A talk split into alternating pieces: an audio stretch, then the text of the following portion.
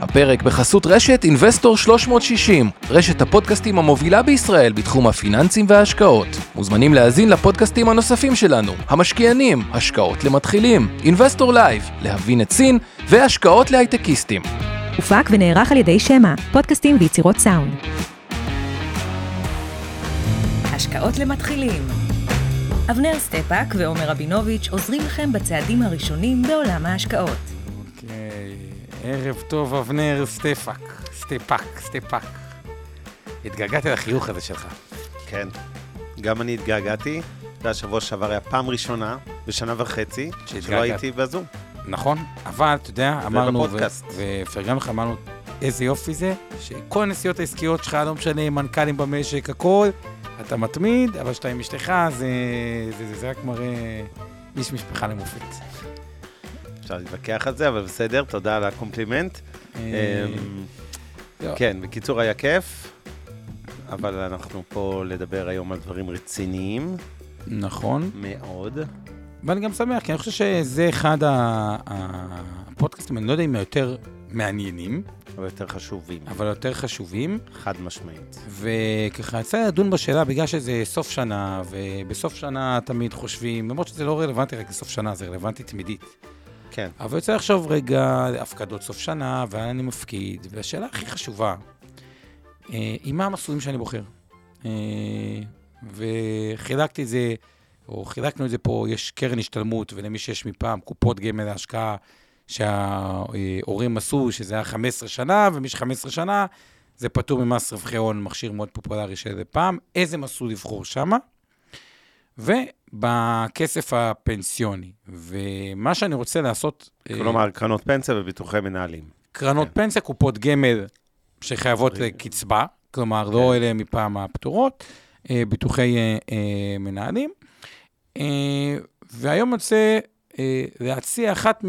אה, אנחנו מדברים הרבה על הרצועות, וכן שינויים, לא שינויים, אפשר לתזמן את השוק, אי אפשר לתזמן את השוק, אז אה, האמת לדעתי איפשהו באמצע. אה, והיום אני רוצה לתת ממש שתי גישות.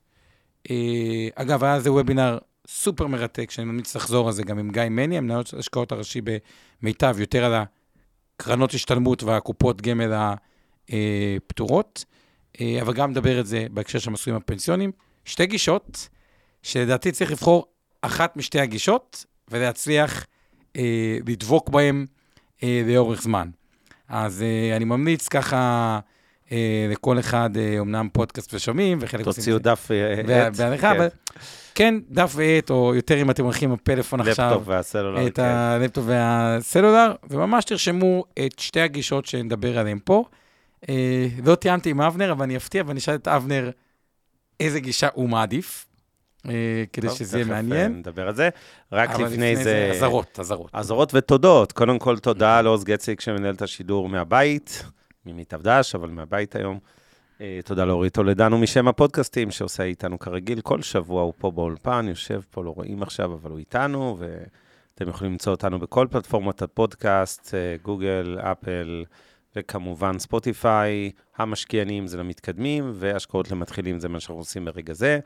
אנחנו מודים לאור אריאל האופטימית, שאנחנו אצלה בקבוצת הפייסבוק, משקיעים בדרך להצלחה כלכלית. אה? עצמאות כלכלית. עצמאות. אוף, כן. זה יעבור לי בסוף, אבל אחלה קבוצה. וכמובן לצוות שלך, עמי- אה, אורן ברסקי, אה, עמי ארביב ואור חלמיש, כן. שעושים ואני את החומרים. ואני רוצה להזכיר, גם יש את ימי ראשון אינבסטור לייב, ומי שככה רואה, מארחים את בכירי שוק ההון, מה שנקרא. ועוד הערה קטנה בתודות, מישהו שאל אותי השבוע, צופה ככה בפודקאסט. צופה בפודקאסט. שומע. את הפודקאסט. כן. חשבתי, אה, אתה, אתה זה שעובד אצל אה, אבנר אה, בזה, אז אני אומר לו, קודם כל חייכתי, תקשיב, כולם עובדים אצל אבנר. אז הצחיק אותי, אבל אינבסטור, מי שלא מכיר ככה ושומע, חברה נפרדת ממיטב, זה לא נכון, חברת בת או. דברים כאלה. חברים טובים, אבל חברים טובים, לא... חברה, לתכנון פיננסי, כלומר, באה ובונה תוכנית השקעות לבן אדם, על כל ההון שלו, פנסיה, גמל, השתלמות, נזיל, אלטרנטיביות, זה חברה נפרדת ממיטב, אבל זה הצחיק אותי, ובסוף כולם אז, עובדים אז אצל אני אבנר. אוסיף את זה ש... אני- אה, אה, אני מרגיש הפוך, הנה אני יושב באולפנים שלך, במשרד של אינבסטור 360, נראה לי אני עברתי לעבוד אצלך יותר ממה שאתה לא, אצלי. אבל- אצלך יודעים אזכיר שאתה לך, לא לא זה, ניכנס לסיפור, אבל התקשר אליי מישהו, אתה זוכר, לפני איזה שבועיים שלושה, ואומר לי משהו מסוים ש- שעובד אצלך, אמרתי, עובד אצלי, אני לא מכיר כזה בן אדם, ואז הסתבר שזה מישהו שעובד כן, אצלך, כן, לא משנה. אז זה רק כן, ככה... אז אה, אה, אה, מערבבים אותנו קצת. מערבבים אבל זה... זה חמוד, זה הכל בסדר. זה אחלה חמוד. אנחנו עובדים אחד אצל השני, ובעיקר אצלכם, המאזינים והצופים שלנו, שמלווים אותנו כל שבוע, כבר שנה וחצי. זהו, אני צריך להגיד הערת אזהרה מיוחדת היום, כי אנחנו אה, מדברים איתכם על כל הנושא של הכספים הפנסיוניים, הגמל, הפנסיה, השתלמות, ביטוחי מנהלים. כל מה שאנחנו עושים הערב הוא לא ייעוץ פנסיוני ולא שיווק פנסיוני ולא תחליף לייעוץ או שיווק כזה בידי יועץ אה, פנסיוני מוסמך, או משווק פנסיוני מוסמך, ואנחנו באמת רוצים לתת לכם יותר את הכלים העקרוניים, ללמד מושגים, להסביר, זה תמיד המטרה שלנו בפודקאסטים האלה, ולא עכשיו לתת איזה ייעוץ פרטני, שממנו כל אחד יוצא עם איזה מסקנה מאיתנו, שאה, אוקיי, אז אני עכשיו רץ לעשות פעולה X, Y, Z. לא, בשביל זה אתם צריכים יועץ פנסיוני או משווק פנסיוני, או סוכן ביטוח אה, וכולי, או לעשות את זה לבד, מותר גם, זה כן. כמובן בסדר גמור. אה, או היום אומרים לא רק סוף ביטוח, גם מתכנן פיננסי, אבל בסדר. נכון. אה, ועוד דבר אחרון, לפני שככה צועדים לנושא, היום. במתקדמים, אני כבר אגיד ככה, מי ששומע אותנו, מדברים על חברות תמחור בתמחור שפוי. שפוי. אה, שככה, זה בעוד שעה. התכוננתי בעוד שעה, אבל התכוננו לא מעט אה, אה, לפודקאסט הזה, ולדעתי הוא אה, יהיה מעניין במיוחד, ככה שמי שבמתחילים אה, וצופה, אז אתם יכולים לחפש אחרי זה מי שתמשיכו איתנו, ומי שככה אה, שומע אחרי זה, תחפשו את החברות בתמחור שפוי, אמור להיות פודקאסט אה, מאוד אה, אה, מעניין. אה, ועם זה נראה לי נתחיל בנושא יאללה. המרכזי. אז אה, בוא נתחיל מהשתי גישות, ואז אני אשאל אותך, אה, אה, אבנר, איזה גישה אתה מעדיף, אבל לפני זה, מידע בסיסי. קרן השתלמות וקופת גמל פטורה, נתחיל מהם. אלה מכשירים שלמעשה כל הרווח שלנו פטור ממס, ולכן כל מי שילך למתכנן פיננסי, אה, סוכן ביטוח ה basic שיגידו לו, על פי התיאוריה שלומדים בלימודי המקצוע, היא מן הסתם תיקחו יותר סיכון בקרנות השתלמות וקופות גמל, כי זה אפיקים פטורים. פנסיות אפשר להתווכח בהתאם לגיל, ניגע בזה אחרי זה, אבל בקרנות השתלמות, קופות גמל פטורות למי שיש. אומרים, זה הכסף האחרון שתיגעו בו. ככלל, לא מומלץ אף פעם לפדות קרנות השתלמות למי שיכול, כי זה כסף פטור ממס, כל הרווח פטור ממס, ולכן זו תהיה טעות מאוד קשה להסתכל על זה ככסף קצר בינוני, הוא כסף ארוך אה, טווח, או ממש לחירום, וגם מי שכבר נתקל בסיטואציה בחיים שהוא חייב, חייב את הכסף, לא יודע למה, קשה בעסק, קשה בזה, שדרג, דירה, כל דבר אחר, אז כבר בדרך כלל יש יותר שווה לקחת הלוואה, הריביות הן יחסית אה, חברותיות, נקרא להן, אה, אה, לעומת לפדות את הקרן השתלמות. ואז עולה שאלה מאוד מאוד טובה. האם אני לוקח, כמו לדעתי 92% מהאוכלוסייה, את המסלול הכללי, או האם אני לוקח כ-8% מהאוכלוסייה את המסלול המנייתי? אז זו השאלה הראשונה. השאלה השנייה שנגזרת, רגע, רגע, מה, האם אני אהיה במסלול הכללי כל החיים? אני אף פעם לא אחליף את המסלול הכללי למסלול מנייתי, גם אם השוק הוא מאוד מאוד זול, או להפך, אני במסלול מנייתי. מה, השוק לדעתי נורא נורא יקר, אני אף פעם לא אחליף למסלול הכללי, ויש פה איזו סתירה שאומרים שקשה לתזמן את השוק, אבל בכל זאת, אה, אם השוק יורד 50 אחוז, אינטואיטיבית הוא מרגיש לנו זול, כי הוא לא ירד הרבה פעמים 50 אחוז, ודיברנו קצת על רצועות וכו'. אז אני אתחיל משתי הגישות שאני רוצה אה, לדבר עליהן. אה, נשמע מה גישתו של אבנר, אני אגיד מה היה פה עם אה, גיא מני, מנהל השקעות ראשי במיטב, מה הוא אמר שהוא עשה עם עצמו, הפתיע אותי. אה, ואז גם נדבר על, אה, אה, על עצמי והתפיסה שלי. אבל בואו נתחיל עם התפיסה הראשונה. התפיסה הראשונה אומרת ככה, מחלקת את השוק לשלושה טווחים, שתכף נדבר עליהם, אבל נשים אותם בצד. בואו נניח שיש שוק שמרגישים שהוא זול מובהק, אוקיי? צריך לדבר על מה זה זול מובהק, אני שם את זה רגע בצד. אנחנו מדברים שוק, בוא נעשה סדר, אז שוק המניות. שוק המניות, שוק המניות. זה לא משנה כרגע מהותית אם אנחנו. מדברים על תל אביב או נסדק או אה, זה, שוקי נכון. המניות בהכללה רגע. אבל בגז... גם יש קורלציה ביניהם, כן, אז זה בסדר. גז, גז, מה זה זול מובהק ששואלים אותי? גם מכפילים אה, נמוכים, היסטורית, גם בדרך כלל אחרי ירידה גדולה מהשיא, כי הנטייה אחרי שזה ירד יותר מ-20 אחוז, 30 אחוז, כבר הלמטה הוא כבר אה, מוגבל, הלמעלה הוא הרבה פחות בלתי מוגבל. אה, וגם למי שככה קצת יותר מבין ודברים, כשהוא מנתח ברמת המניות הבודדות, הוא מתחיל לראות מניות ואומר, רגע, וואי, כמה חבל שאין לי יותר כסף, כאילו. זה נראה כל כך מעניין, וזה נראה כל כך מעניין. הפעם האחרונה שזה קרה בקורונה, ודיברנו על זה, נגיד הבנקים ב-0.6 של ההון, זה מעניין, זה זול. קונים שקל של הבנק ב-0.6, זה לא קורה הרבה, אה, אבל כשזה קורה, זה זול מובהק. עכשיו, הרבה מהאנשים, אחרי זה יש לנו שוק שהוא, אני קורא לו פרמטרים סותרים, ואז שוק שאני קורא לו יקר מובהק. עכשיו, רוב האנשים, וזו הטעות המרכזית לדעתי בהשקעות של 95% מהמשקיעים, אה, הטעות הנפוצה ביותר, הם מתבלבלים בין יקר מובהק לבין פרמטרים סותרים, ואני רוצה רגע להסביר. מה זה פרמטרים סותרים? פרמטרים סותרים זה אומר את הדבר הבא, שיש דברים שמראים שהשוק הוא יקר, או פרמטרים שמראים, וואי, רגע, יחסית הוא יקר היסטורית. בואו נסתכל היום, מכפיל הרווח הוא מעל הממוצע. בממוצע אפשר להתווכח אם הוא 16 או 15, אה, היום הוא אזור ה-20, אם אני מסתכל על ה-S&P, זה מעל הממוצע. אה, מבחינת אה, אה, מכפילים. יש חברות שמתומחרות, מה שמדברים על הייטק באייפ, או הפסדיות ושוות מהמם. אה, אה, מיליארדים ודברים כאלה. מצד שני, כשמסתכלים על אלטרנטיבה, שהיא באג"ח, שהרבה מהאג"ח בצורה אה, אפסית או שלילית, אם זה בישראל, פחות מאחוז, ביוון, אחוז, הזוי, אבל זה תשואת אג"ח לעשר שנים. אה, ארה"ב, מניות נראה הרבה יותר מעניין מאשר האג"ח. עכשיו, למה אני אומר אה, אנשים מתבלבלים? כי כשיש פרמטרים סותרים, זה לא אומר שהשוק יקר. זה נקרא פרמטרים סותרים, וזה אגב יהיה ב-85% מהזמן מצב השוק, פרמטרים סותרים. ומה הטעות הגדולה ביותר בהשקעות? היא להגיד, אוקיי, עכשיו הפרמטרים הם סותרים ומבלבלים, אז אני יוצא בחוץ כי זה נראה לי יקר. לא, כשזה סותרים, אז זה המצב הניטרלי שלנו, ואני תכף אתן כמה דגשים סופר חשובים. ויש שוק יקר. מה זה שוק יקר? שוק יקר הוא, אין פרמטרים סותרים. מצד אחד המכפילים הם גבוהים, נגיד ב-2008 המכפילים היו גבוהים.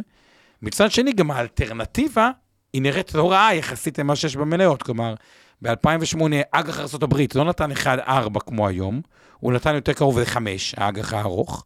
ואז שאומרים מכפילים 20 פלוס, שאני מזכיר, 20 פלוס זה אה, משקף תשואה של כ-5 אחוזים אה, בשנה, מכפיל 10, 10 אחוזי תשואה, מכפיל 25 אחוזי תשואה, אה, מכפיל 40, 2.5 אחוזי תשואה. מהמם. אז גם האג"ח נראה אטרקטיבי, גם הרבה אה, אה, יחסית, וגם המניות נראה אה, אה, יקר. היו פה שני דברים אותי. כנ"ל בשנת 2000, גם האג"ח נתן הרבה, וגם היו מלא חברות טכנולוגיה שלא הרוויחו כסף, והיו במכפילי אה, תיאורטית אינסוף בשווים, קצת כמו היום, זה יקר. כלומר, אה, ששני פרמטרים, זה לא קורה הרבה, אוקיי?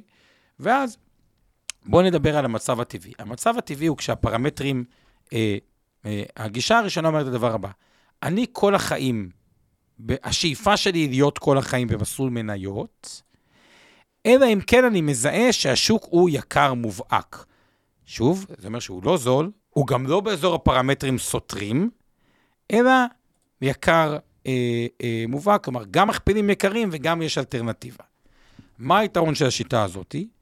בשוטף, מניות בדרך כלל נותן תשואה יותר גבוהה מהמסלול הכללי, כלומר, אין את המשקולת שאנחנו חלק מהזמן במסלול הכללי, אלא אם כן זיהינו שהוא יקר מובהק, ואז אפשר לעבור מהמסלול המנייתי למסלול הכללי. החיסרון של הגישה הזאתי הוא שאם אנחנו התחלנו לרדת, כלומר, נכנסנו לתוך גל ירידות, שאנחנו במסלול המנייתי, אז כאילו אנחנו מרגישים שאין לנו תחמושת, אנחנו קצת עם הלשון בחוץ, כי כאילו, השוק ירד 30 אחוז, מה אני יכול לעשות? כלום. השוק ירד 20 אחוז, מה אני יכול לעשות? כלום. כי מראש אני ברמת הסיכון הגבוהה ביותר. כלומר, אין לי, התחושה היא יכולה להוביל קצת לחוסר אונים. אני נכנס לתוך משבר עם החשיפה הגבוהה אה, ביותר. מצד שני, בתקופות של פרמטרים סותרים, שזה, אפשר להגדיר את זה מ-2013 עד 2021, יש הרבה פרמטרים שהרבה אנשים חשבו שהשוק יקר, מי שהיה במניות הרוויח את כל הגל אחד החזקים בהיסטוריה בלי המשקולת של האג"ח אה, שישבה עליו. אבל הגישה הזאת אומרת, בשאיפה אני במסלול הכללי, אלא אם כן אני יקר מובהק. ככל שאגב יש יותר פרמטרים שאנחנו ביקר מובהק, זה לא חייב להיות בבום, אפשר להחליף במנות, אפשר חלק מנייתי, חלק כללי וכו', אבל השאיפה היא מנייתי. אז זו הגישה הראשונה. בואו נדבר עכשיו על הגישה... רגע, רק הגישה הראשונה מחייבת אותך, בתור אדם שלא עוסק במקצוע, את המאזינים והצופים שלנו, שרובם המכריע לא מהתחום, קודם כל, אה, לנתח לעצמם האם שוק מניות הוא יקר, בינוני, זול, נקרא לזה ככה, וזה לא כזאת משימה טריוויאלית. אתה מדבר על מכפילים וכולי, ואומנם נכון. לימדנו מה זה מכפילים, אבל זה חומר קשה. נכון, אז, אז אני בכוונה אומר את זה כתפיסה, אתם במניות, אלא אם כן השתכנעתם שהשוק הוא ביקר מובהק. מה זה יקר מובהק? נכון, כל הכבוד לכם שאתם עוקבים אחרינו. תבואו, תלמדו, אפשר לקחת קורסים, אפשר כל מיני דברים, אה, אבל השאיפה הבסיסית בגישה הזאת אומרת את הדבר המאוד פשוט. ב-200 שנים האחרונות מניות נתן את התשואה הטובה ביותר, בכסף הפטור ממס, אני בשאיפה במניות, אלא אם כן יש משהו ממש ממש ממש חזק שגרם לי לחשוב אחרת. אבל בשאיפה אני במניות. אה, בואו נמשיך לגישה שנייה, ואז נראה את ה... זה, אוקיי. נתחיל את ה... רוצה ומסכים, זה לא טריוויאלי. הגישה השנייה אומרת את הדבר הבא, אוקיי? בואו נתחיל. בשאיפה, אני במסלול הכללי. מה הכוונה אני במסלול הכללי? המסלול הכללי בנוי אה, כ-45, ילך לכיוון ה-50% מניות, לדעתי, אצל המוסדים. מי שרוצה לדעת בדיוק איך המסלול הכללי בנוי, עוד פעם, ממליץ לחזור לוובינר, אה, לפודקאסט, יותר נכון, שעה עם גיא מני, הסביר בצורה מאוד מאוד טובה איך מסלול כללי אה, בנוי, אז כ-50% מניות. אה, התוספת שהרבה אנשים אוהבים, שזה מה- שעלה בפודקאסט עם גיא, זה הנושא של אה, ההשקעות האלטרנטיביות, שמחולקות לארבע קבוצות מרכזיות, אה, השקעה בתשתיות, השקעה בנדל"ן, השקעה ב private equity, כלומר חברות פרטיות אה, כאלה ואחרות, והשקעה באשראי. היתרון של תחום האלטרנטיב הוא יחסית יציב ואמור לתת את ה-5-7 אחוזים עם פחות קורלציה לשוק ההון, אז יש פה איזה 20-20 ומשהו אחוז איכותי מאוד. ו-30 אחוז אג"ח, שנכון להיום בוא ניקח, במקרה האופטימי יביא בערך אחוז בשנה, במקרה הפסימי יביא איזה חצי אחוז בשנה. אה, כלומר, יש לנו 50 אחוז מניות, 20 אחוז אלטרנטיבי איכותי, ועוד 30 אחוז מעט משקולת. והשאיפה שלנו להיות במסלול הזה. כלומר, אם אנחנו, אה, מה שאני קורא בתקופת הפרמטרים הסותרים, שיש לכאן ולכאן, אנחנו במסלול הכללי, מרוויחים גם את האלטרנטיבי שהוא יחסית אה, אה, יציב, וכשמגיעים למצב של הזול המובהק, כלומר, אם יש משבר מאוד מאוד חזק של 30-40 עוברים למניות. אחוז, עוברים למנייתי, אבל אחרי שככה מתחיל התיקון, כלומר, השוק כבר מהשפל עשה 20, 30, 40, 50 אחוז עלייה, אה, עוד לפני שאנחנו מגיעים ליקר מובהק, כלומר, שעוד פעם חוזרים לפרמטרים הסותרים, אנחנו חוזרים למסלול הכללי. כלומר, השאיפה שלנו היא במסלול כללי, שזול מובהק, אומרים, יאללה, בוא נשדוד קצת תשואה עודפת על ידי מעבר למנייתי, אבל משאירים קצת ז'וטונים על השולחן, מה שנקרא, או אה, אה, זה, ובשאיפה באיזשהו שלב שהשוק נרגע, שיש קפיצה מאוד גדולה, אנחנו נחזור למסלול הכללי, כדי שלא ניכנס למפולת בלי תחמושת. היתרון של השיטה הזאתי, יותר קל נפשית במשברים, כי כאילו במקום לחשוב פחד, אין לנו מה לעשות, מתי זה יעבור, וכמו שיודעים, משבר יכול לקחת חודשים בקורונה, וגם יכול לקחת שנים עד שזה חוזר. והיא גישה שמשאירה לנו הרבה יותר תחמושת להיות פרואקטיביים, כלומר נפשית. נכנסים למשבר וחושבים לו, יאללה, כאילו, מה, איזה באסה, איזה באסה, אלא יאללה, מתי אני יותר התקפי, שיש בזה משהו שהוא מאוד אה, מרגיע. החיסרון הוא ברוב התקופות, ואם ניקח את שנת 2021 כדוגמה, אוקיי? המשקולת הזאת של ה-30% אג"ח היא עדיין משקולת, כלומר, המסלולים הכלליים נתנו באזור ה-13 נגיד מתחילת השנה, ה-12 אה, של הגופים ה... אה, נקרא ממוצע אזור ה-12 השנה נגיד, לא, אה, אבנר, אה, כן, פלוס, סדר אה, גודל, כן. אה, 12 אה, פלוס. מינוס, והמניות נתן יותר. 12. המניות נתן אה, אה, אה, יותר, יותר אה, כיוון ה-17, 18 בדיוק, כן. אה, אה, מהבחינה הזאת, ואנחנו חושבים מזה באיזושהי אה, אה, משקולת. אז ככה, לפני שממשיכים הלאה, אינטואיטיבית, אבנר, להגיד לך קודם כל מה גיא אמר? או שאתה רוצה להתחיל אתה נקי? אני מניח שאמר כללי. אתה צודק. אה, אתה יודע מה? נשאיר את אבנר רגע ב... לא, בסדר, אני, אני אגיד לך, תראה, אני, אני דווקא לפני שתי הגישות האלה רוצה קצת לחזור ברוורס דבר אחד, מהותי. אה, ואני גם אגיד לך מה, יש לי קצת בעיה עם הגישות האלה, כי הן גישות מאוד אקטיביסטיות, שתיהן אגב. לא, אה, אה, רגע, שנייה. הם, אה, רק אני אה, אסביר. זה אומר ששינוי, אה, והיה עוד פודקאסט שדיברנו כאילו על משברים, משבר מובא, משבר, שירידה מעל 20 אחוז או משהו כזה, מגיע פעם ב-6.3 שנים. זה אומר שהשינוי האקטיביסטי, כאילו מכללי למנייתי, אמור להתרחש פעמיים בעשור. זה לא כזה אה, אקטיביסטי, הרי אתה שואף במסלול הכללי, ואז אם השוק ירד 20 או 30 אחוז. אז אני אגיד את זה אחרת, זה מחייב... זה אה, יכול, זה, זה יכול לקרות פעם בעשור. כלומר, זה לא כאילו שינוי... זה לא שינויים דחופים. זה, אני לא מדבר פה על חמישה או עשרה אחוז ירידה בגישה השנייה. לא, לא. אני מבין שזה לא...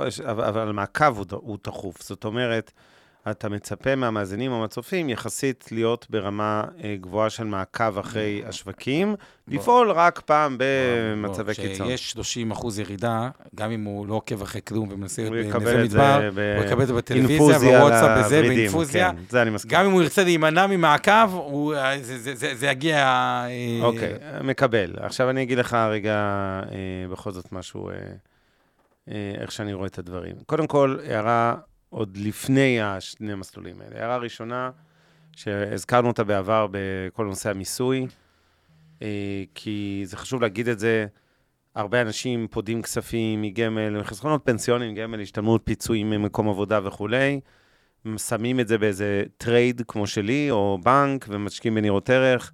במקום להשאיר את זה במקומות של אה, מוגנים ממס, שזה החסכונות הפנסיונים לרוב, ואתם רוצים לרכז את האפיק ההשקעה שבו יש כנראה תוחלת הרווח הגבוהה ביותר, קרי המניות, שזה האפיק של טווח ארוך, עושה את התשואה הכי גבוהה, נניח 10% לשנה, למרות שבאמצע הוא מאוד מאוד תנודתי, ה-10% האלה בעשור, כל שנה נניח ממוצע, זה מגיע מפלוס 27, מינוס 30, מינוס 12, פלוס 5, זאת אומרת, זה. זה לא אה, אג"ח. זה לא גרף שרק עולה, אתם צריכים לזכור את זה, כי אני אומר את זה במיוחד כשאנחנו מדברים uh, בסוף 21, ואנחנו אחרי גל גאות ארוך ומתמשך, ולא מייצג. Uh, יהיו גם שנים מחורבנות למדי, וגם רבעונים ושבועות קשים עם ירידות חדות, אנחנו מדברים בדיוק הערב, נסדק מינוס איזה אחוז uh, הוא שמונה עשיריות כרגע. Uh, אז בגדול, אני אומר את זה קודם כל בכללי, אה, אם אני אסתכל, אעלה קומה מעל החסכונות הפנסיונים שלכם, אני אחבר את הפנסיוני עם המשכנתה, שזה הפוך מחיסכון, עם הכספים שיש לכם אולי נזילים קצת בבנק, למי שיש, עם כל המשתנים השונים, אני בסוף מסתכל על כל תמונת התיק, וכך עושה כל מתכנן פיננסי או פנסיוני, על כל המאה אחוז, ולא צריך להסתכל אך ורק על הפנסיוני. אבל בואו נניח לרגע שהחסכונות הפנסיונים כשמם כן הם, הם חסכונות לטווח ארוך באמת, כן, למרות שגם לא פה, מ- אני אני עושה הפרדה בין הפנסיון רגע, שפה יש לך נקודה? ברורה, כן. שאתה צריך לקחת לצורך העניין גיל 65 עד 70, או 64 עד 70, אה, שזה נקודת החלטה, לבין קרן השתלמות, שבתכלס היא גם יכולה להיות חירום אה, לדיור אה, מוגן, כי אלא אם כן אין לך כסף למלא דלק, אין לך סיבה לבדוק את קרן ההשתלמות, בגלל זה אני עושה את ההבחנה, ועוד רגע גם נדבר על הפנסיונים. כן, למרות שבוא נגיד בכנות, הרבה פעמים אנשים משתמשים בקרנות ההשתלמות לצריכה שוטפת, הם מחליפים את. האוטו טעות. פעם בשלוש-ארבע שנים על ידי קרנות כן, השתלמות. אבל הקהל שלנו כבר למד איתנו, והוא כבר. כל כך חכם, שהוא כבר לא יעשה את הטעות של הצריכה, וגם אם הוא רוצה משכנתה, הוא יגיד, אני אוהב את קרן השתלמות, אני אקח מינוף מקרן השתלמות. הקהל שלנו חכם, מתחילים פלוס. מתחילים פלוס. פלוס, פלוס, פלוס. מתקדמים מינוס. מתקדמים מינוס. עכשיו, אה, אם אני עוזב רגע את עניין מיסוי, ואת עניין ההסתכלות על כל הכספים שלכם, כולל החסכונות האחרים וההלוואות והכול, ומתמקד, זום אין לעולמות הפנסיונים שכוללים גמל השתלמות פנסיה, פוליסות אה, למיניהם, גם אם זה חיסכון למה שאנחנו כן. קוראים טווח בינוני, כמו קרן השתלמות לשש שנים, כמובן אפשר להשאיר אותה לאין סוף שנים, אבל מינימום שש שנים, ובין אם זה ממש חיסכון לטווח ארוך, כמו קרן פנסיה או רוב קופות הגמל. אם אנחנו מסתכלים על כל העולם הזה, ועכשיו הולכים רגע לשתי הגישות שלך, לא, אבל אה, אני מדבר על קרנות השתלמות קופות גמל פטורות, עוד רגע אני אתייחס לפנסיוני. אני רוצה להפריד, כי הפנסיוני יותר מורכב, כי בן אדם גיל 60 וגיל 30 זה מאוד משנה. בקרן השתלמות, בן אדם בגיל 60, הרבה פעמים הוא רואה את הקרן השתלמות דווקא כארוך טווח. כי כאילו... כן ולא, אני אגיד לך, אתה קצת עושה הבחנה שאני לא בטוח שהרבה מהלקוחות שלנו, מאזינים וכולי, עושים אותה בהכרח. זאת אומרת, מבחינתם הרבה פעמים זה הכל סוג של חיסכון פנסיוני אחד גדול, שהם משתדלים להגיע עם כמה שיותר כמובן לגילי הפנסיה, אה, אבל לא תמיד זה אפשרי, לפעמים זה אפשרי, אבל הם עושים טעויות. בצריכה פרטית לפעמים זה פשוט לא אפשרי, וצריך מה לעשות, צריך את הכסף הזה גם בשוטף. אבל אני לא בטוח, אני מבין מה אתה מנסה להגיד לה בהפרדה הזו בין... אה, אז, אז אפילו קרן השתלמות, רגע, תפריד. אוקיי, בוא, בוא, בוא נפריד רגע קרן, קרן השתלמות. תפריד רגע קרן השתלמות, קופת גמל, השק... קופת גמל, הפטורות, מי שזה רלוונטי אליו יודע, מי שלא תתעלמו מזה, כי אין לכם את זה, אז את סימפ. בתקופה, ברוב התקופות, לרוב האנשים, בעיניי, וזה לא המצב בישראל בפועל, אבל זה מה שאמור להיות, רוב האנשים, אה, כולל אנשים לא בגילי 20 ו-30 ו-40, אמורים להיות במסלולי מניות. למה? כי זה המסלול שייתן לאורך זמן את התשואה הגבוהה ביותר, יותר ממסלול כללי. זה עובדה, נתון, אפשר לבדוק את זה לאחור. זה לא... אה, אה, אה, זה יעלה במחיר של תנודתיות כאמור, כי יהיו שנים שהמסלול הכללי ירד 3% ואתם תפסידו במניות 12, כן. אבל אה, בבסיס זה כנראה לאורך זמן האפיק המשתלם ביותר. התקופה שאנחנו מדברים בה היום היא תקופה קצת חריגה, כי מחד, שווקי המניות, שוקי המניות יקרים, מאידך, יש לנו את כל הנושא האלטרנטיבי. זה, זה, זה, זה הפרמטרים הסותרים, מה שאני לא, אומר. בסדר, אני אומר, על נושא האלטרנטיבי שנמצא היום במסלולים הכלליים באותן אה, אה, קופות קרנות וכולי, הופך בעיניי את הכלליות להרבה, בוא נגיד ככה, המשוואה הזאת שאמרתי, שבדרך כלל מניות עושות יותר ולכן עדיף להיות שם, בתקופה כזו, ושוב, בלי להיכנס לא לפרסומים ופרסומות ולא לגוף כזה או אחר, כי יש שונות גדולה בין הגופים. אבל בהנחה שיש במסלול הכללי מרכיב אלטרנטיבי גבוה, ואולי פה המקום לפתוח סוגריים, כי אנחנו זרקנו את המילה אלטרנטיבי פה בערך 15 פעם בחצי שעה. חמישה, חמישה דברים שנייה נכנסים לאלטרנטיבי. הסגמנט המרכזי הוא חוב, אשראי פרטי, אשראי, כן, שהוא לא אגרות חוב בבורסה, אלא אשראי לאיכות הלוואות לחברות, זה יכול להיות פרויקטים וכולי. שניים זה נדל"ן, זה שני המרכיבים הגדולים בעולם האלטרנטיבי. אחרי זה יש לנו תשתיות וקרנות גידור ו private equity והון סיכון, שזה סגמנטים קטנים יותר. עכשיו, השניים הראשונים זה העיקר, זה שרוב הכסף המוסדי שמנהל אה, את קרן ההשתלמות שלכם עכשיו, או קופת הגמל נמצא בו. וללא ספק, המרכיב הזה בתיק הוא מרכיב מאזן בעיניי. זאת אומרת, הוא מרכיב שנותן תשואה יחסית אה, גבוהה בין 6 ל-10 אחוז, תלוי בגוף ובדיוק מהתמהיל, לשנה, אל מול, למשל, אם נשווה רמת סיכון דומה, לפחות לחלק מהמכשירים האלה, קרי אגרות חוב בבורסה, שנותנים תשואה אפסית, אז הפער הוא גדול. ולכן, בעיניי, באופן חריג היום, המסלולים הכלליים, שבהם אגב 90 ומשהו אחוז מהכסף של המאזינים שלנו נמצא ברגע זה, הם כנראה המקום הנכון להיות בו עבור כן, רובם. יפה, אז, אז אני אומר את הדבר הבא עוד פעם, ב... כי, כי קשה, קשה לעשות את ההפרדה. הגישה של גיא, רגע, אני אתן לו מה שהוא לפחות עשה. אה, היא אומרת, אני במסלול הכללי, גם בגלל האלטרנטיבי, כמו שאבנר אומר, אבל נגיד בשיא המשבר הוא עבר למנייתי, אחרי זה הוא חזר לכללי, כי זול מובהק. כלומר, לקחת את הגישה של האלטרנטיבי, גם הגופים המוסדיים בארץ הולכים יותר ויותר לכיוון האלטרנטיבי, יש שונות ביניהם, בלי להיכנס לגוף כזה או אחר. אה, אבל אה, בגדול המסלול הכללי כהוגן, ו... אה, רק כשזול מובהק, לעבור למנייתי.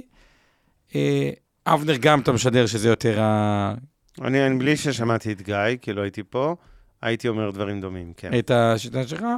יש כאלה שיגידו, אני גם, ה, ה, הנטייה שלי, בטח למי שכבר קנה בית או יש לו דירה, וכבר יש לו נכס יחסית סולידי, אני רואה גם יתרון מסוים בלהיות במסלול הכללי, במסלול המנייתי, כתפיסת עולם ברוב רובו של הזמן, ורק כשמרגישים שזה יקר מובהק, לעבור, נשאלת השאלה, האם זה יקר מובהק היום או לא, שאלה נפרדת, אבל כגישה, אה, האם השאיפה מסוג כללי, בשביל האם מנייתי, זה אחת הגישות שאתם צריכים לדגול בה ולבחור. זה לא משנה מה הגישה, אם כבר יש ירידות, ובזה אני רוצה שנעבור רגע לפנסיוני, אם כבר יש ירידות שאתם במסלול הכללי נשארים בחיים לא מורידים את המסלול הכללי מתחת לרמת סיכון של המסלול הכללי, אני לא רוצה כל אחד ייעוץ פרטני, אבל 99, לדעתי, זה טעות לעבור מסלול כללי למסלול שקרי או דברים כאלה. במשברים, אם כבר הפוך, למסלול יותר אגרסיבי, ובמסלול מניות, אה, אם כבר היינו מסלול מניות ואנחנו בתוך הירידה, גם פה לא לשנות גישה באמצע ולהגיד אני מסלול כללי וכו', אלא להישאר כבר אה, במנייתי. לא משנה איזה גישה בחרתם, תנסו להיות עקביים. להיות אה, עקביים בה. אני אני רוצה להגיד אה, על זה כמה דברים. אה, אחרת, ואז נעבור לפנסיוניה, וקודם כל, אה, אוקיי, אז. קודם כל, עקביות היא דבר מאוד מאוד חשוב בהשקעות. היא קור רוח ועקביות, זה לא מילים צמודות אחת לשנייה, אבל יש איזשהו קשר. אה, אתם לא אמורים לפעול בלחץ, אתם אמורים לנצל הזדמנויות במשברים, אבל לא להילחץ ולעשות, אה, כמו שלצערי רבים עושים במצבים האלה. הקהל התבג- התבגר, אגב, בשנים האחרונות, נכון. פחות בורחים במשבר, אבל הנטייה הטבעית, אני זוכר את זה ב-2008, כולם עברו למסלולי כספת כאלה, 0% מניות, אבל מתי הם עברו? אחרי שהם הפסידו 20, 30, 40 אחוז, לא, אה, כן. לא לפני, כי הייתה איזו תחושה שהעולם הולך לקרוס טוטאלית. אני רוצה קצת להתייחס ברשותך, כי יש לנו אוסף של הערות ושאלות פה אה, חשובות מהקהל, ואז נמשיך עם הפנסיוני. אה, מוטי עוזר אומר שרוב ההשקעות שלו, הפנסיה, גמל השתלמות, אה, נמצאים במסלול מנייתי, או חלק גדול מהם במסלול מנייתי. האם זה הזמן לעבור למסלול כללי לאור השוק הבועתי? אז שתי הערות. קודם כל, לא. השוק הוא לא הוא לא בועתי. פרמטרים סותרים. יש, עזוב רגע פרמטר, יש כמה בועות גם בשוק הזה, בתוך נסדק הן מתחבאות בעיקר, אחת מהן התפוצצה לפני uh, שבועיים, זה הרבה מהחברות סאס האלה שתומחרו באמת בצורה קיצונית וירדו בעשרות אחוזים, uh, uh, בצדק. מתחת לרדאר טיפה, אני חושב לא מספיק דנו בזה תקשורתית, אבל זה, זה היה המצב. אבל אין ספק שהשוק יקר, גם אם הוא לא בועתי, אוקיי? והשוק זה לא משנה איפה, בישראל יחסית יותר זול מהרבה שווקים אחרים, ועדיין זה לא זול אה, גם ביחס לעצמנו בהשוואה לעבר. הם מונחים מכפילים, או כל שיטת תמחור אחרת. האם זה הזמן לעבור? אז שוב, אנחנו לא עוסקים פה בייעוץ או שיווק פנסיוני, אמרנו את. הערת האזהרה הזאת קודם, אה, בלי להכיר אדם ספציפי, וזה גם לא אה, המקצוע האישי של שנינו, אבל אני כן אגיד שבאופן כללי, אה, אני לא חושב שיהיה פערים עצומים בתשואות בין מניות לכללי. רמת הסיכון היא לא, היא לא עד כדי כך דרמטית נמוכה יותר במסלול כללי מאשר במסלול מניות, שלא תבינו לא נכון. בסוף במסלול הכללי, כמו שעומר הזכיר בצדק, יש היום קרוב ל-50% מניות. במסלול מנייתי... שזה יותר מפעם. במסלול מנייתי בדרך כלל אין ממש 100 עגול, יש קצת פחות, אבל נניח שיש 50 מול 90. האלטרנטיבי הזה שאנחנו זורקים אותו כל, אה, כל שבוע, אה, כמו הזקנים בחבובות, זה לא אה, נטול סיכון ומשהו הכי סולידי בעולם, כן? זה כנראה יותר טוב ממניות ביחס סיכון תשואה, אבל זה לא, כן, פרי, ריסק פרי, מה שנקרא, אז גם שם יש סיכון, וזה עוד איזה 20-30 אחוז, שוב, תלוי בגוף, יש גם גופים עם אפס אלטרנטיבי. וגם אג"חים קונצרנים שנמצאים יותר במסלול הכללי מאשר מסלולי מניות, גם הם, אה, קשה לכנות אותם ברמות המחירים הנוכחיות כהשקעה סולידית, כך שלא להתבלבל ולצפות ממסלול כללי, אני אגיד ככה, מסלול כללי הוא רמת סיכון יותר נמוכה היום ממסלולי מניות, להערכתי, בתשואה לא שונה מהותית, looking forward, לא מדבר אחורה מה היה השנה, 18% מניות מול 12 בכללי, אלא אם מסתכל קדימה, ברמות המחירים האלה, אז יכול להיות שהם יעשו תשואה דומה, אבל בכללי אני מצפה לסיכון יותר נמוך. כלומר, שאם יהיה מפולת או משבר, כן, כללי ירד פחות, אבל זה לא אבל- שאם יהיה מפולת, סליחה, רגע, אם אה, מסלול מניות ייפול ב-40 אחוז, או 50 אחוז, מספרים שהיו ב-2008 וקורים פעם בהרבה מאוד שנים, בשנה הרעה כזאת.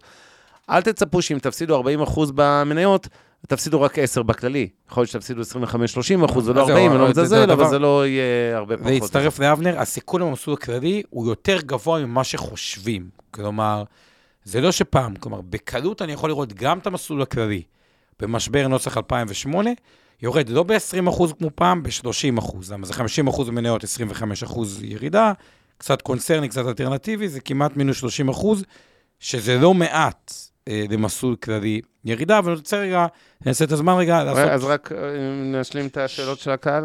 אה, אוקיי, אז נריץ את השאלות ונשאיר אז חלק קודם כל, א', הבנת כן. אותי מצוין. לרוב האנשים, שוב, זה לא ייעוץ פרטני, אבל לרוב האנשים זה נכון.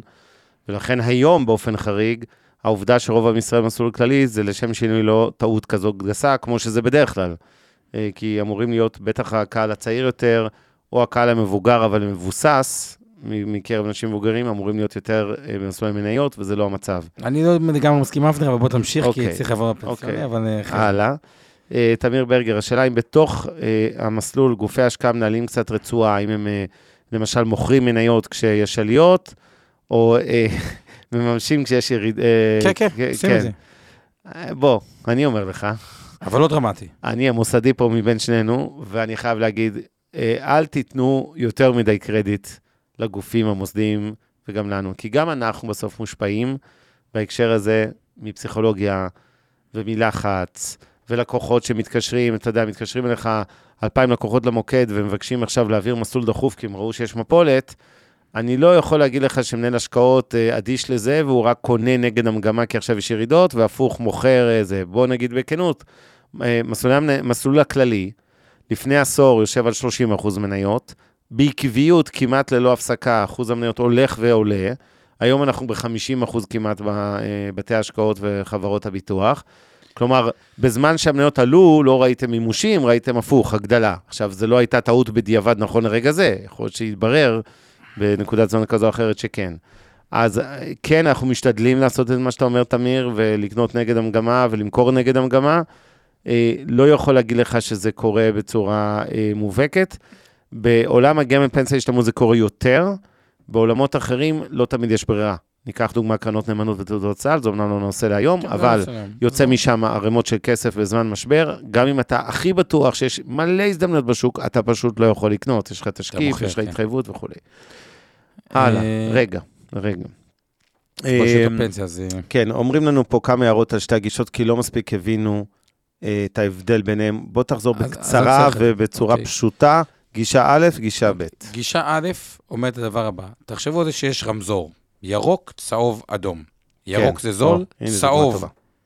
שזה 85% מהזמן, אז לא להתבלבל. רוב הזמן אנחנו בצהוב, לא באיזה זה ירוק ולא... פרמטרים סותרים.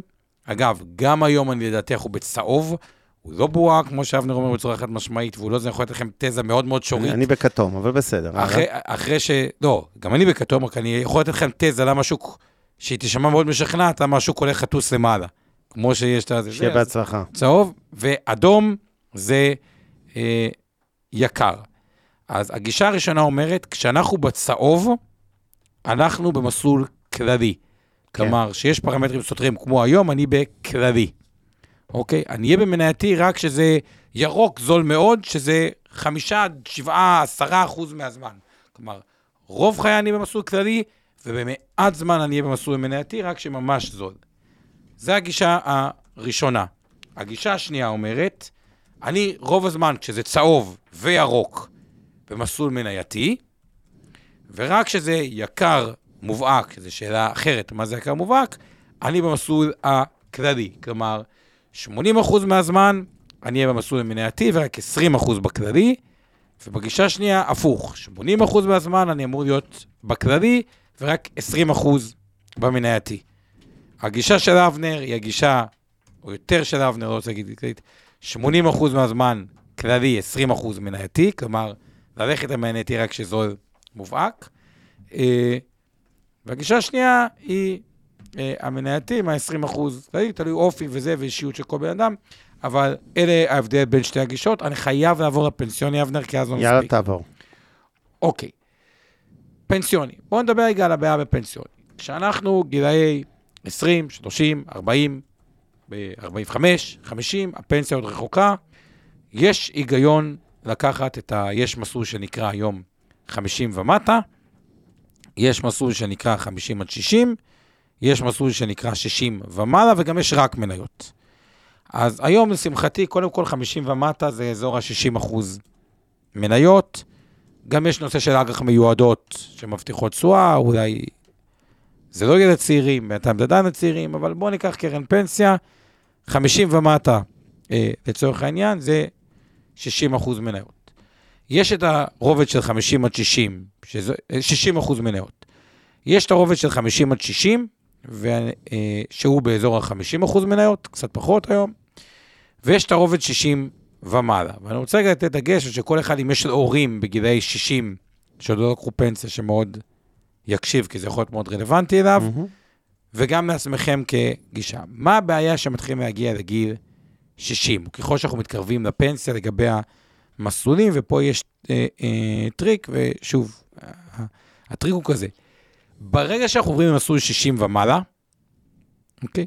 אחוז המניות לא יורד, אלא יורד בצורה דרקונית. כלומר, עם 56 זה קרוב ל-50 אחוז מניות, 60 ומעלה זה אזור ה-25 אחוז מניות. ולמעשה, רוב הכסף יש קצת אלטרנטיבי, לא המון אלטרנטיבי, יש קצת, ולמעשה, חלק מאוד גדול מהכסף יושב במשקולת של האג"חים, וגם האג"חים היותר סולידיים, כלומר, יושב באפס. אתם משלמים סוג של קנס, כי התקרבתם, או מי שלא רוצה להגיד קנס, אלא משקולת מאוד כבדה, כי התקרב, אה, התקרבתם לגיל הפנסיה, על מנת לייצר מצב שאתם בדיוק יוצאים לפנסיה כשיש משבר, ואז אתם בבעיה. ועיקר הבעיה בנושא הזה הוא לא שאתם צעירים, ששם האסטרטגיה לדעתי היא להיות 50 ומטה, או מנייתי, אלא עיקר הטריק הוא ככל שאנחנו מתקרבים לגילי הפנסיה. כלומר, מתקרבים לגיל 60, אה, מגיל 50, שבו כביכול הרבה אנשים מייעצים, סוכנים, מתכננים, להוריד משמעותית את רמת הסיכון, ובעצם לספוג את אותה משקולת מאוד מאוד כבדה. אז פה צריכים לבחור את אחת משתי האפשרויות, שהיא... אה, אה, אבל חייב להיות מתוכנן מראש ולהבין מה עושים. אז בואו נלך על האפשרות הראשונה. האפשרות הראשונה היא להגיד, אוקיי, הגעתי לגיל 50, או 55, או 60. נכון שיש בין 17 ל-7 שנים לפנסיה, או, כן. או גם זה שזה המון זמן, אבל מראש אני מוכן לוותר על אותה משקולת. כלומר, מ-50 ומטה, שזה 60 אחוז מניות, מוכן לעבור ל-50 אחוז מניות, וככל שאני מתקרב לגיל 60, מ-50 אחוז מניות, מוכן לעבור ל-25 אחוז מניות, ולמעשה יש משקולת ענקית של אג"ח, שלמעשה התשואה הריאלית עליה היא שלילית, כלומר האינפלציה היא אפילו יותר גבוהה מהתשואה של האג"ח, כלומר, יש איזה חלק קטן של מניות, אבל אני למעשה, יותר קשה לי לשמור אפילו על ערך הכסף, אבל אני לא נכנס לסיכון של כאילו בום, לקחת פנסיה, דווקא שיש משבר אה, אה, עמוק, וזו הגישה הראשונה. אה, מה שנקרא לזרום עם הרגולטור והמחוקק, שקבע את זה סוג של מודל צ'יליאני כזה, לפי אה, גיל. אה, על אוטומט, זה הגישה האוטומטית, אנחנו הולכים ויורדים מהמניות, כן. יפה, שזו גישה אחת שגם יש בה איזשהו היגיון. הגישה השנייה, היא באה ואומרת את הדבר הבא, רגע, אני הרי לא רוצה לבוא ולספוג את אותה משקולת כבדה שלה להפחית את אחוז המניות. מצד שני, אני אומר, בעיניים פקוחות, רגע, אני רוצה לפרוש, בוא נניח, לצורך העניין, שאני רוצה להתחיל לקבל פנסיה בגיל 65, והיום אני בגיל 60.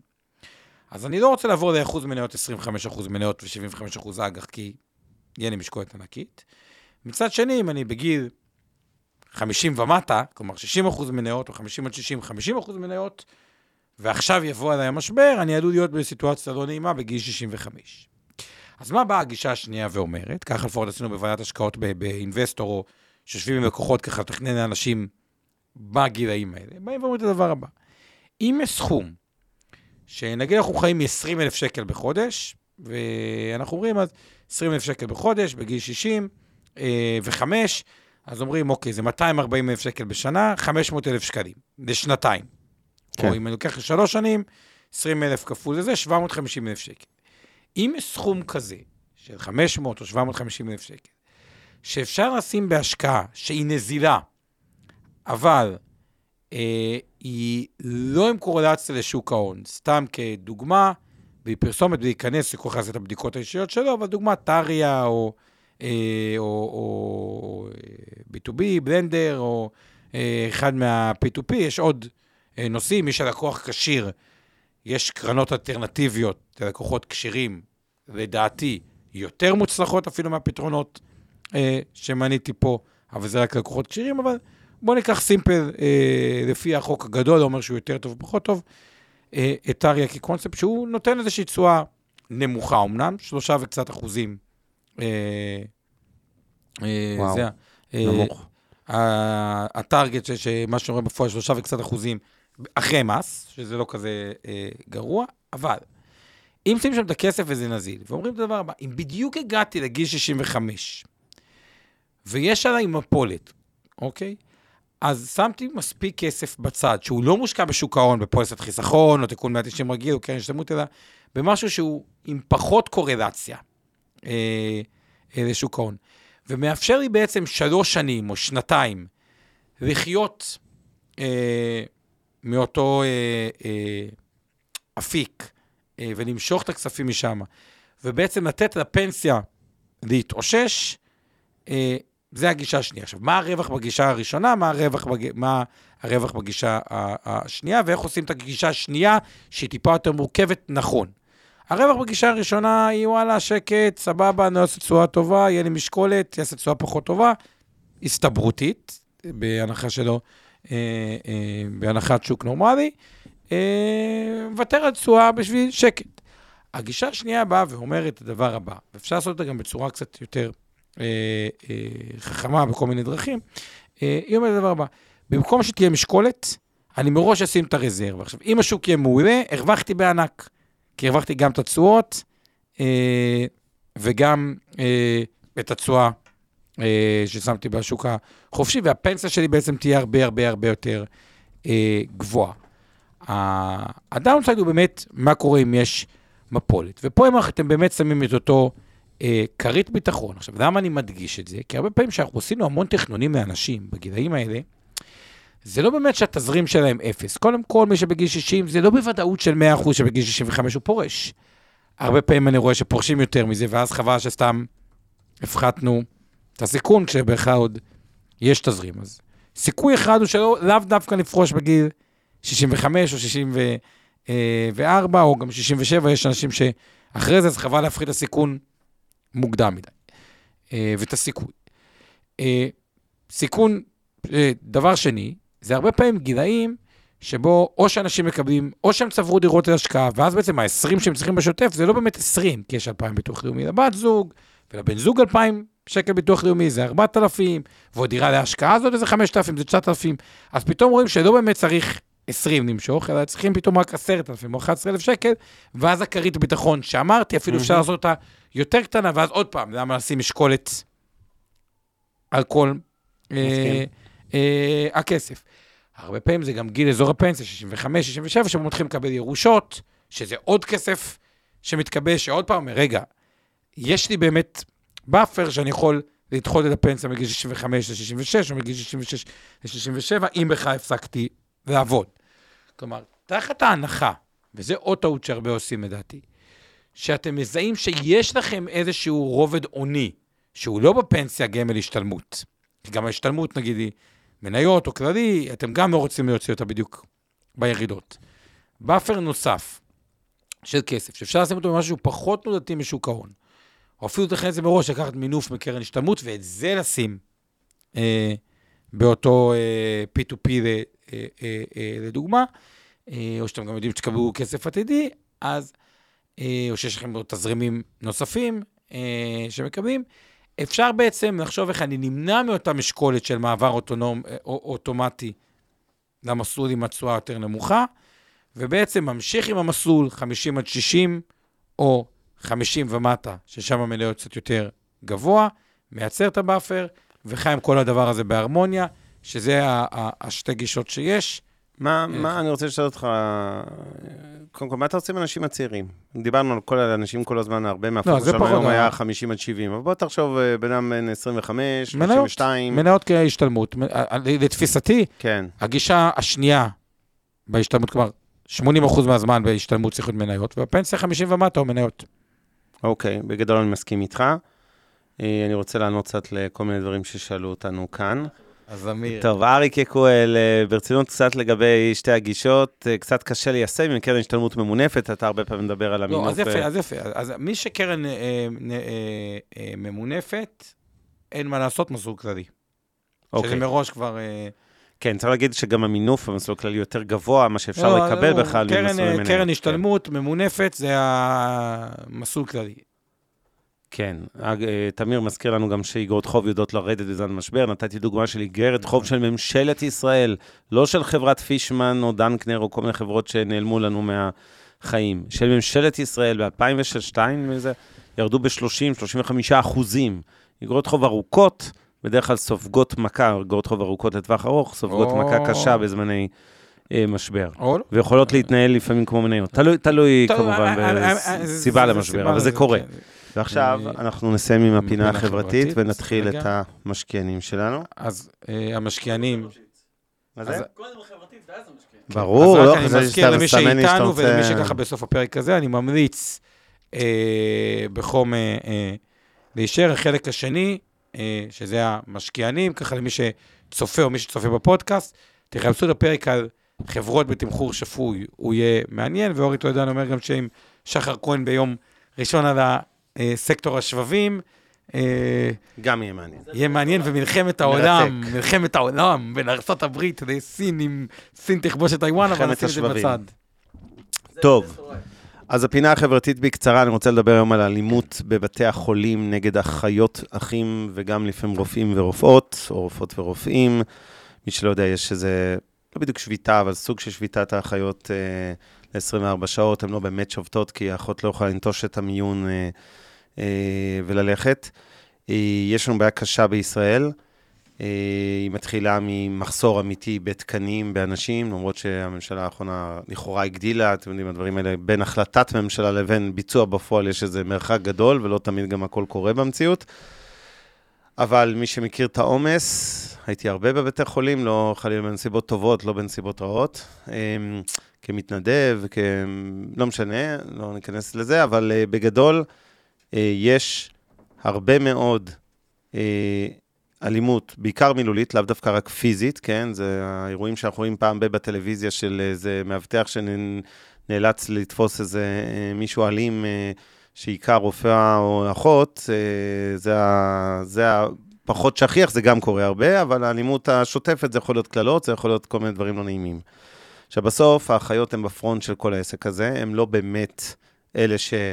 אה, כן, אחיות למצב הרעוע של בתי החולים ולחוסר התקנים, עובדות באמת, כאילו, מטורף. אני אומר את זה כי כשהתחלנו את הקורונה לפני שנה וחצי, אה, אוטוטו שנתיים, היה איזה גל של הזדהות של אזרחי ישראל עם הצוותים הרפואיים, ועמדנו במרפסות ומחאנו כפיים, ואנשים שלחו להם מתנות, ו- וצ'ופרים, ואוכל וסיפורים. וכמו הרבה פעמים כשהתרגלנו למשבר, אז כולנו שכחנו את האנשים האלה. הם לא עובדים פחות קשה היום, לדעתי אפילו יותר. יש לא מעט אנשים שלצערי עוזבים גם את המקצוע בגלל המצב הזה, זאת אומרת, אנשים שאומרים חלאס, אני לא יכולה לעבוד אה, משמרות לילה ולחטוף כל היום אה, צעקות מחולים או בני משפחות של חולים. אה, וכן, יש בעיה אמיתית, אבל הבעיה היא לא, היא לא בצוותים הרפואיים, אני אומר לכם אמיתית, מי שלא יודע, השכר של אחות היום בבית חולים במשמרת רגילה, ערב, בוקר, ערב, זה 52 שקלים. משמרת לילה זה כמובן יותר, חגים, שבתות. הן נותנות הנשמה, הן עובדות כמו חמורות, ולא מגיע להם היחס הזה, ואנחנו צריכים קצת לחזור ולעשות דברים לטובת הצוותים הרפואיים. חלק זה המאבק, תמיכה במאבק הציבורי לכל נושא השכר, המשמרות, ה... להחדיר קצת שפיות למקצוע, ושתיים, זה הכרה ציבורית של כולנו בחשיבות של האנשים האלה שנותנים את הנשמה לכולנו. עד כאן הפינה החברתית. זהו, עד כאן, סיימנו את הערב. תודה לכולכם, היה כיף כרגיל. לי היה כיף לחזור אחרי שבוע ראשון שלא הייתי פה במיליון שנים האחרונות. איך? אז, אי אה, פעם, ואחרון. היה לך פה גם אה, חן התותח, גם גיא מני. ייצגו אותי בכבוד, אתה אומר. בכבוד רב. אוקיי, איזה כיף לשמוע. חן אמרני הוא מנהל השקעות חו"ל שלנו, הוא האיש מאחורי הקלעים בהרבה מאוד אה, מפגשים שבויים שלנו, שמתקן אותי, מעיר לי הערות. אה, גיא מני מנהל השקעות הראשי שלנו, אז תודה לצוותים פה, לאורן ברסקי, אור חלמיש, עמי ארביב, שעוזרים מאינבסטור 360 בכל הכנת התכנים. לאורי טולדנו שיושב איתנו פה ועושה את הפודקאסטים שלנו, חפשו אותנו בספוטיפיי, גוגל, אפל או כל פלטפורמת פודקאסט אחרת. זהו, אני מודה לעוז גצליק. שמנהל את השידור, למיכל כץ ושיר פלדמן שעושות לנו את התמלול ב live, לחרשים, ליקויי שמיעה וכל מי שצריך כתוביות. לאיתן גרבר שעושה את הסימון לחרשים, ליקויי שמיעה. לאורה האלופה ממשקיעים אה, בדרך לעצמאות כלכלית. אה, אה? יש לי את זה, בסדר. קבוצת תודה. הפייסבוק המהממת. תודה לך, אבנר סטפאק. תודה לך, עומר רבינוביץ'. מעוניינים ללמוד יותר על עולם ההשקעות? האזינו לפודקאסטים נוספים שלנו. המשקיענים, אבנר סטפאק ועומר רבינוביץ' בתוכנית אקטואלית עם כל מה שחם בעולם ההשקעות, אינבסטור 360 לייב, אורן ברסקי ועומר רבינוביץ' מארחים את בכירי שוק ההון ומבינים את הטרנדים החשובים לשנים הקרובות. להבין סין עם יובל ויינרב, עם כל מה שרציתם לדעת על הענקית מהמזרח, השקעות להייטקיסטים עם צח איציק, שיבנה איתכם תוכנית כלכלית להגשמת החלומות שלכם, והפודקאסט השקעות למתחילים, לכל מי שעושה את צעדיו הראשונים בעולם ההשקעות.